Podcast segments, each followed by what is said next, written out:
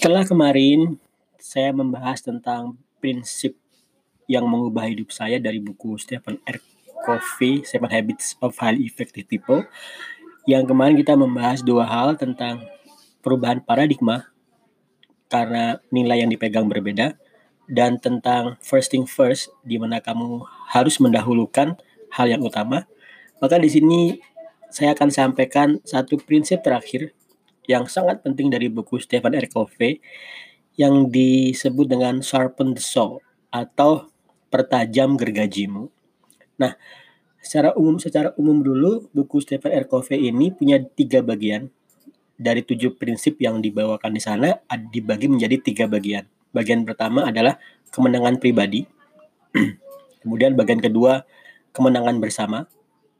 Kemudian yang ketiga terakhir dipisahkan dari dua bagian tadi yaitu sarapan deso hanya satu.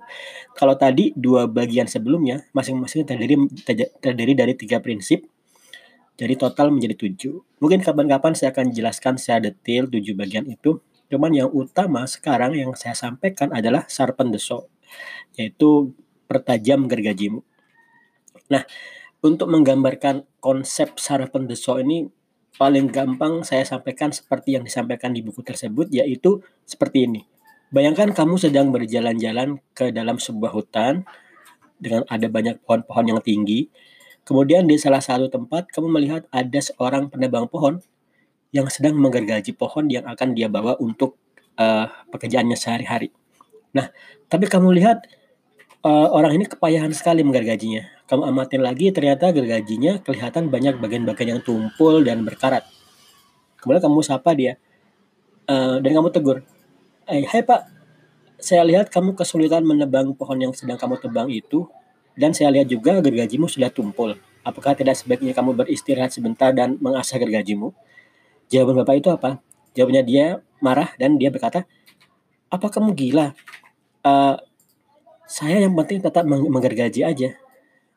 Saya sudah terlalu sibuk, saya sudah terlalu sibuk menggergaji, jadi saya tidak ada waktu untuk mengasah gergaji saya. Menurut kamu Bapak itu benar nggak? Dari segi hasil benar loh. Yaitu nggak usah ngasah gaji aja. Pada akhirnya pasti pohon itu akan tumbang. Pasti akan tumbang. Percayalah. Mungkin butuh waktu dua kali atau tiga kali lebih lama, tapi akhirnya akhirnya akan tumbang. Dan karena seperti ini, Bapak itu berarti sudah terikat rutinitas untuk menggergaji pohon, sehingga dia nggak nggak terlalu berpikir bahwasanya caranya cara yang dipakai sebenarnya salah.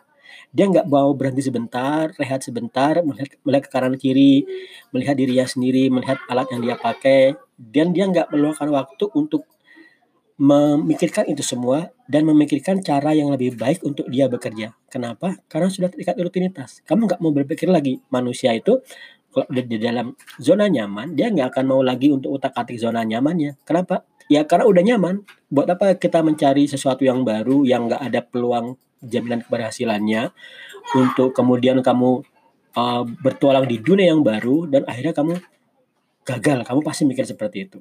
Nah ini kalau dibawa ke dunia modern tanpa tanpa metafora yang tadi kita bayangkan saja seorang kalau kamu seorang pegawai, pegawai 9 to 5 yang saat ini sebenarnya kebutuhan bulananmu sudah terpenuhi. Terpenuhi sekali. Ya mungkin agak mepet sedikit tapi udah terpenuhi lah. Nah Kemudian kamu sering di seliweran di berandamu tentang upgrade skill, pelajari kursus baru, ada seminar-seminar.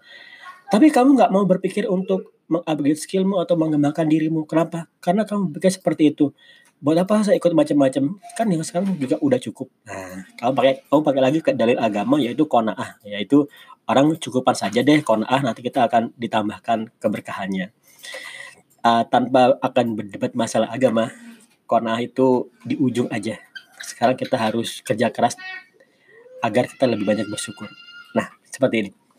Kemudian kalau kamu bayangkan, bayangkan kalau orang itu saat itu pegawai yang saya tadi sebutkan itu, misalnya gaji yang nggak debus, nggak nyampe, nggak lebih 10 juta misalnya, katakanlah 7 juta. Pegawai bank kalau nggak salah sekitar 7 jutaan yang entry level ya.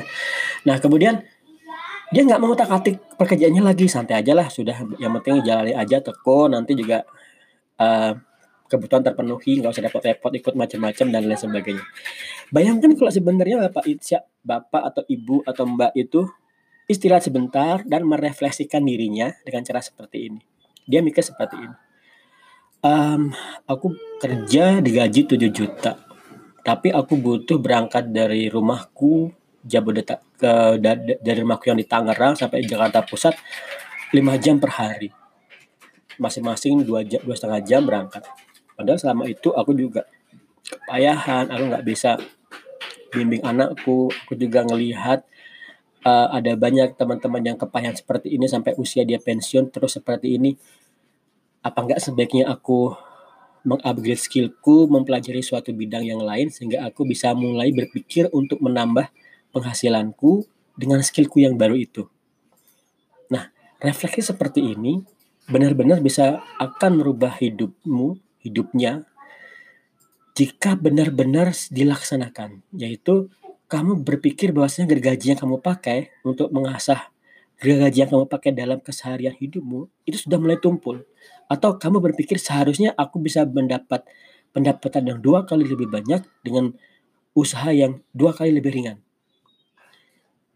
Nah, bagaimana caranya itu? Ya, kamu lihat lagi, kamu mulai melihat ada misalnya tren, misalnya uh, kamu lihat, oh ternyata ada skill content writer nih, karena kamu lihat kamu bisa membuat mendapatkan pendapatan dengan menulis artikel di internet misalnya.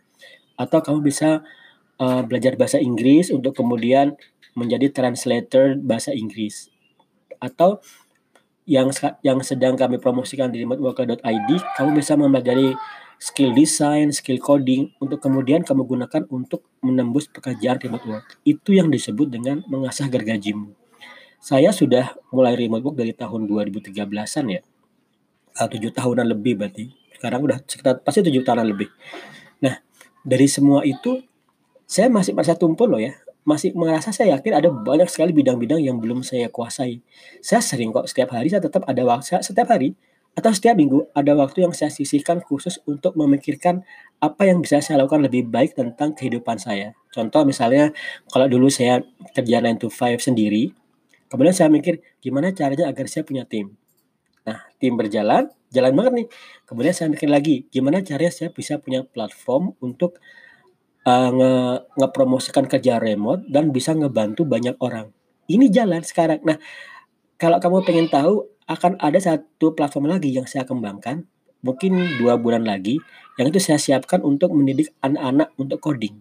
Nah, Kenapa? Karena saya tahu bahwa saya kalau saya merasa puas dengan satu bidang aja, maka saya akan termasuk seorang penebang pohon yang disuruh rehat sebentar untuk mengasah gergajinya yang sudah tumpul, tapi dia nggak mau dengan kata-kata, maaf saya sedang sibuk menggergaji.